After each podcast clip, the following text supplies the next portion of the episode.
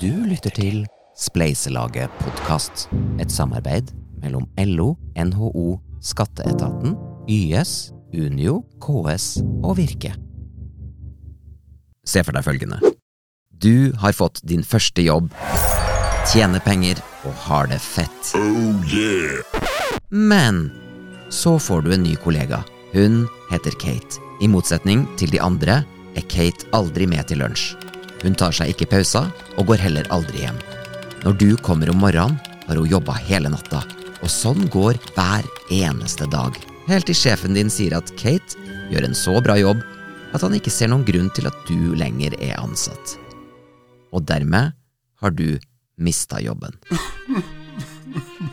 Det som er pussig, er at Kate ikke er et menneske. Hun er en robot. En maskin. Er dette science fiction, eller noe som faktisk skjer? Nå, eller når du skal ut i arbeid? I denne episoden av Spleiselaget podkast får du en guide i robotisering. Hva det er, og hva du kan gjøre for å ikke miste jobben til roboter. Du får møte virkelighetens Kate og andre roboter her hjemme og i Japan.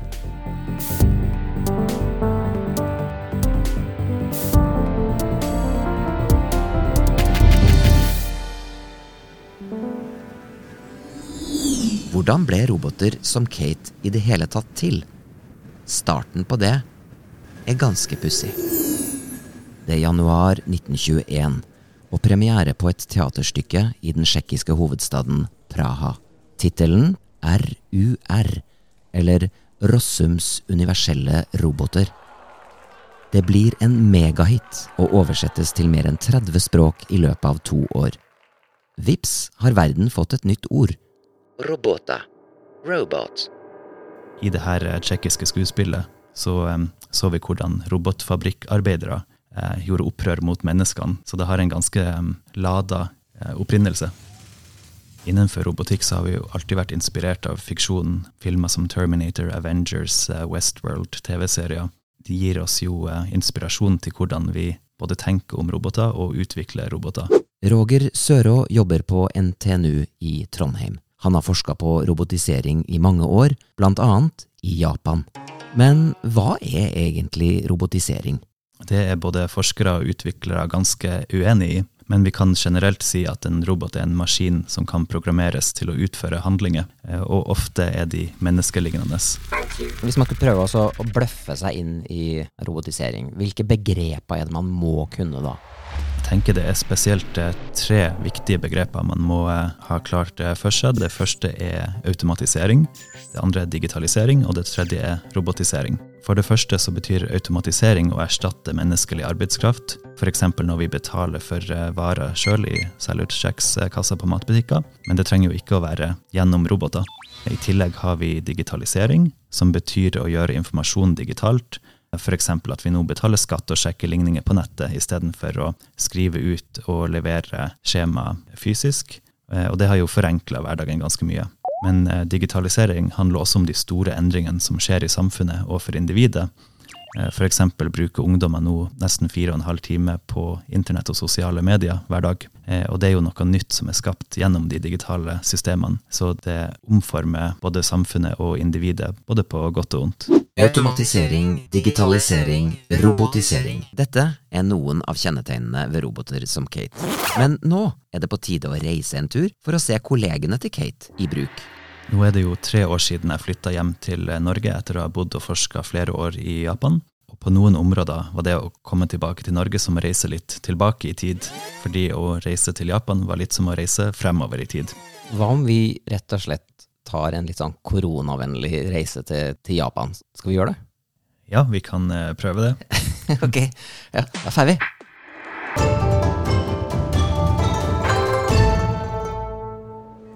Nå er vi altså her på en ganske svær flyplass, men jeg ser ingen roboter, gjør du? Nei, kanskje ikke helt umiddelbart, eh, men hvis vi tar en kikk på de som eh, bærer ut eh, kofferter, Der, ja. så kan vi f.eks. se at noen av dem har på seg såkalte exoskjeletter. Robotdrakter som gjør at de kan løfte og bære ting uten å skade ryggen sin. Ja, de, har dem rett og slett på seg. Ja, de er strappa på kroppen. Det er tidlig morgen i, i Tokyo. Er det noen roboter å se ute på gata? Vi kan jo f.eks. se noen roboter utenfor karaokesteder. Og der kan man se under neonskiltene at roboten Pepper f.eks. det er en menneskelignende robot som er på størrelse med kanskje et tolv år gammelt barn. Eh, synge litt sanger og danse og fortelle oss karaokesanger man kan eh, finne innenfor eh, denne karaokeplassen. Og så har du et ganske spesielt hotell her. Hva er det der for noe? En velociraptor? Ja, da er vi kommet til det rare hotellet, Henna Hotteru, der det står to velociraptor-roboter og ønsker oss velkommen i resepsjonen. Og en androide, altså en menneskelignende robot, som vil sjekke oss inn. Og siden, eh, siden, du ikke snakker japansk, så må vi snakke med velociraptorene. Eh, så der kan man sjekke inn. De vil kanskje lese passet vårt, og så vil de kalle opp en portørrobot som vil frakte koffertene våre. Og når vi kommer til eh, hotellromdøra, så kan vi f.eks. møte på en øyeskanner som skal sjekke at vi er den vi utgir oss for, før vi kommer inn i rommet. Alt det her er jo kult og morsomt. Men gjør japanerne det her bare fordi det er kult og morsomt? En ting vi vil se i Japan som skiller seg ganske ut fra Norge, er hvor mange mennesker det er der. Eh, Japan har jo 126 millioner innbyggere, som er mye mer enn vi har her i Norge, selv om landet er like stort. Folketallet i Japan synker med nesten en halv million årlig. Eh, det fødes for få barn og er lite innvandring. Og Derfor, spesielt i eldreomsorgen, er det stort behov for arbeidere. Og Japan ser da til teknologien for å hjelpe seg. Så teknologi blir jo utvikla for å ha en funksjon og for å kunne hjelpe til i samfunnet. Både japansk kultur og politikk er spesielt velegnet for robotikk.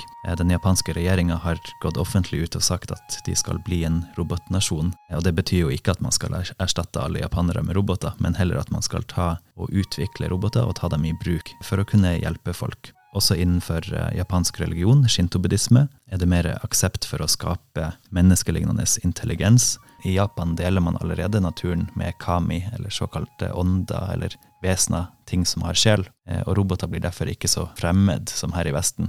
Jeg håper jeg Kan de nesten se på det som om det har en sjel? Det er et eh, spørsmål jeg har spurt mange japanere, og de må alltid tenke seg litt om og sier at det kommer helt an på den enkelte roboten. Kan Norges fem millioner innbyggere konkurrere med Japans 130, når vi vet hvor langt foran oss de er i bruk av teknologi? Det er på tide du får møte virkelighetens Kate. På Solsiden i Trondheim har hun allerede vært på jobb i mange timer hos firmaet Lighthouse 8. Vi fant ut tidlig at uh, Kate var immun mot uh, covid-viruset, så hun har jo selvfølgelig jobba godt gjennom hele den pandemisituasjonen også. Der vi andre går hjem i fire-fem-tida, så er jo gjerne hun blir på jobb utover kvelden. Hun jobber gjerne natta gjennom og er der når vi kommer på jobb om morgenen.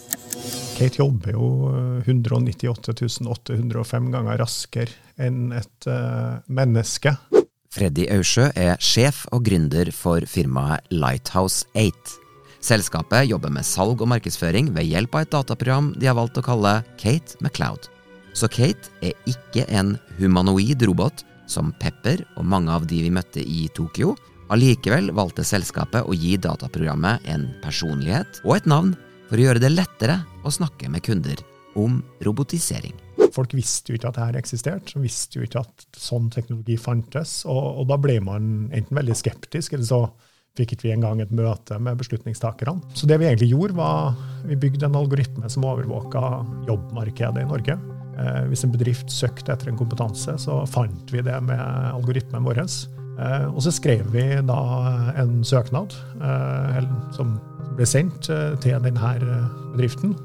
Og så laga vi en CV fra ja, sånn som vi mener personligheten til Kate er. Altså litt sånn nerdete dataingeniørjente. Hun snakker 108 språk, gjør unna arbeidsuke på 0,68 sekunder. Og det gjør egentlig at du gjør unna et arbeidsliv i løpet av 27 minutter og 16 sekunder. Det, det, er, jo, det er, jo, helt vilt. Ja, det, det er jo egentlig det. Ja. Så, hvis du jobber mange tusen ganger raskere enn et menneske, ja, hva da? Jo, Da virker mennesker veldig trege. Hva skjedde? Nå? Jeg bare la sammen 20 000 bilder og analyserte dem. Roboter som Kate må da bety slutten for Trege. mennesker i jobb. Kate er jo et verktøy vi har utvikla. Et verktøy som gjør folkene våre raskere. Det er jo ikke omvendt. altså Det er jo ikke, det er jo ikke Kate som sitter i førersetet her. Det er mennesker som sitter i førersetet. Kate er bare en teknologi som gjør de menneskene fantastisk mye raskere. Freddy Aursjø tror ikke mange av oss vil bli arbeidsledig av robotiseringa. Det er masse spennende arbeidsplasser som vi ikke engang vet eksisterer i dag, som uh, gjør at vi vil få en meningsfull arbeidshverdag også fremover. Men hva forteller historien oss om jobber og ny teknologi før i tida? For 100 år siden var det her den vanligste lyden å høre på jobb. Historisk sett så har forskning vist at alle som mister jobben i en sektor, ofte forflytter seg til en ny sektor. Det kan vi f.eks. se på arbeidere i primærsektoren, altså jordbruk og fiske f.eks. For 100 år siden var det halvparten av oss som jobba med det, men nå er det bare 2% av alle som jobber innenfor primærsektoren. Og så jobba mange i fabrikker med masse støy i flere tiår. Og så kom varehandelen. Varehandel, service osv. har gått fra 30% for 100 år siden til nesten 80% i år. Fire av fem jobber altså innenfor eh, salg- og serviceyrker. Oppsummert, mange har mista jobben før, men nye jobber har kommet til. Hva bør du tenke på, du som skal ut i jobb i en tid hvor gamle jobber forsvinner, slik de har gjort mange ganger før? Det er jo vanskelig å si hvordan yrker som er 100% sikre, men generelt så kan vi se at yrker som er så komplisert og gjerne har en kreativ dose, er yrker som roboter ikke nødvendigvis kan settes inn i. Vi vet jo at mental helse er et stort problem i samfunnet i dag, og det er jo noe vi ikke tenker at roboter kan settes inn i med det første. Et kreativt og komplisert yrke som vanskelig lar seg erstatte, er legen din. Fordi Du ønsker vel kanskje ikke å snakke med en lege som er laget av metall, og som sier 'hvordan har du det'?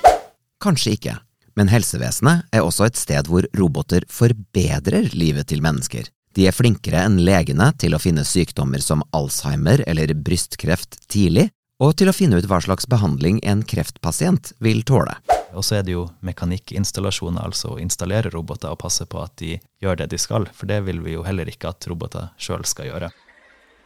Andre yrker er f.eks. sosialarbeidere, barnehagearbeidere og lærere, der man skal lære opp eh, sårbare grupper. Og f.eks. Eh, yrker som tannlege, politi, der det hvis ting går galt, kan det gjøre stor skade. Så hvis eh, jobben omhandler dyr, barn eller andre skjøre ting, eller på motsatt side, veldig farlige ting som brann, politi, kjernekraft, så ser vi at det er stort behov for menneskearbeidere. Så det betyr at taperne her, det vil jo være veldig ofte folk som har liten utdanning. På sett og vis, men det handler om hvordan type utdanning er man tar, og da sier jeg utdanning er i flertall, for det er viktig å tenke på at du sannsynligvis skal bli flere ting i løpet av livet ditt enn f.eks. For foreldregenerasjonen din og besteforeldregenerasjonen din gjorde. Da hadde man gjerne et yrke livet ut, og man gjorde gjerne én ting gjennom hele livet. Hvis man skulle tenkt på vinnere og tapere her, hvem er taperne? Stort sett yrker der man gjør ganske enkle ting som å frakte en eh, vare eller en gjenstand fra en plass til en annen. Det kan man jo veldig lett se for seg at en robot kan gjøre. Når det handler om veldig enkle ting som skal gjøres gang på gang, f.eks. å klippe gress eller å polere et gulv, så ser man jo at eh, det er ting som eh, roboter ganske enkelt kan gjøre. Hvis vi zoomer ut og ser på verden, hvem er vinnerne, og hvem er taperne? Vi ser jo at land som har veldig sterkt fokus på teknologiutdanning og uttesting i samfunnet, f.eks. Japan, Sør-Korea, Singapore, også Tyskland, USA, ofte har større økonomisk gevinst av å bruke teknologi i samfunnet. Men så ser vi også at skandinaviske land, der vi har en mye mer sikker og tillitsbasert uttesting av teknologi, gjør det også relativt bra. Men ikke bare rike land kan gjøre det bra innafor den nye teknologien. Og så kan vi også trekke frem at eh, mange afrikanske land f.eks. har funnet helt eh, geniale måter å bruke mobilbetaling på, som ikke var mye brukt her oppe i nord. Det er ikke nødvendigvis sånn at eh, det vi kaller den tredje verden, blir taperne her. Ikke nødvendigvis det er kjempestort potensial, og det handler jo også om lønninger og hvor dyr arbeidskraft er. En annen fordel Afrika har, er en mye yngre befolkning enn Europa og Japan. To av tre afrikanere er under 24 år. Til nå har vi snakka mye om problemer robotisering kan skape for hver og en av oss. Kan robotisering også gjøre ting bedre for mennesker og verden? roboter hjelper oss til å gjøre ting bedre. Så roboter kan i realiteten hjelpe oss til å bli mer kreative også. Og sist jeg sjekka, hvert fall, så har vi jo ikke kommet i nærheten av å nå de 17 bærekraftmålene til FN. Det her er jo faktisk et verktøy som brukt på riktig måte kan gjøre veldig, veldig mye godt for menneskeheten. FNs bærekraftsmål er verdens felles arbeidsplan for å utrydde fattigdom, bekjempe ulikhet og stoppe klimaendringene innen 2030. Det her er jo faktisk ting som kan i mye større grad løses ved bruk av denne type teknologi. Jeg kunne Kate og hennes robotkolleger eh, hjulpet oss med bærekraftmåla? Ja, helt klart. Hvordan da? Altså, bærekraft handler jo om uh, at vi bruker ressurser på riktig måte, og at vi fordeler ressurser på riktig måte. Enorme forskjeller i dag på hvordan vi både utvinner og bruker ressurser. Også enorme problemer knytta til byavvikling og store samfunn. Altså, vi har jo begynt å ta i bruk denne teknologien innen smarte byer nå. Altså jeg vil jo si nesten alle eh, deler av eh, det vi har satt oss som målsetning internasjonalt, vil nok få hjelp av denne type teknologi fremover. Så, om vi spoler tilbake til starten, der vi spurte frem til din første jobb, hørte vi at Kate tok jobben din. Men hun kunne også vært en robot som hjalp deg til å gjøre ting enklere og smartere. Så hvem kommer du til å møte når du skal ut i jobb? Scary Kate eller Kate the Helper? Til å hjelpe deg med å ta gode valg får du til slutt tre tips fra Roger André Sørå. Det ene er å tenke bredt, altså lære deg flere skills, f.eks. webdesign, bli en sosial medieguru. Tradisjonelle selskaper skriker etter digital kompetanse. Dette er noe du er født og oppvokst med, og kan mye mer om enn eldre generasjoner. Nummer to, tenk kreativt. Det er viktig å kunne skape nye ting og se sammenhenger som digitale systemer ikke bryr seg om. Og nummer tre, tenk livslang læring. Du er ikke ferdig utdanna etter et par år, men trenger å kunne lære deg nye ting gjennom hele livet nå. Det er ikke sånn at når du har tatt en utdannelse, da kan du alt, men du må fortsette å lære. Så det er de tre tingene. Tenk bredt, tenk kreativt, og tenk livslang læring. Og da ser fremtida lys ut? Da ser den lys ut. I denne episoden har du hørt at Japan bruker roboter for å hjelpe mennesker. Det samme er målet til de som lager Kate MacLeod. Robotene kan både skape arbeidsplasser, men mange vil forsvinne. Uansett, robotene kommer. Hva tenker du om roboter og framtida? Hva er lurt å gjøre for deg, og hva er lurt for samfunnet vårt? Du har hørt Spleiselaget podkast, et samarbeid mellom LO, NHO, Skatteetaten, YS, Unio, KS og Virke. Vi blir veldig glad om du gir oss en rating på Spotify eller der du lytter til podkast. Og følg gjerne Spleiselaget på Facebook og spleiselaget.no.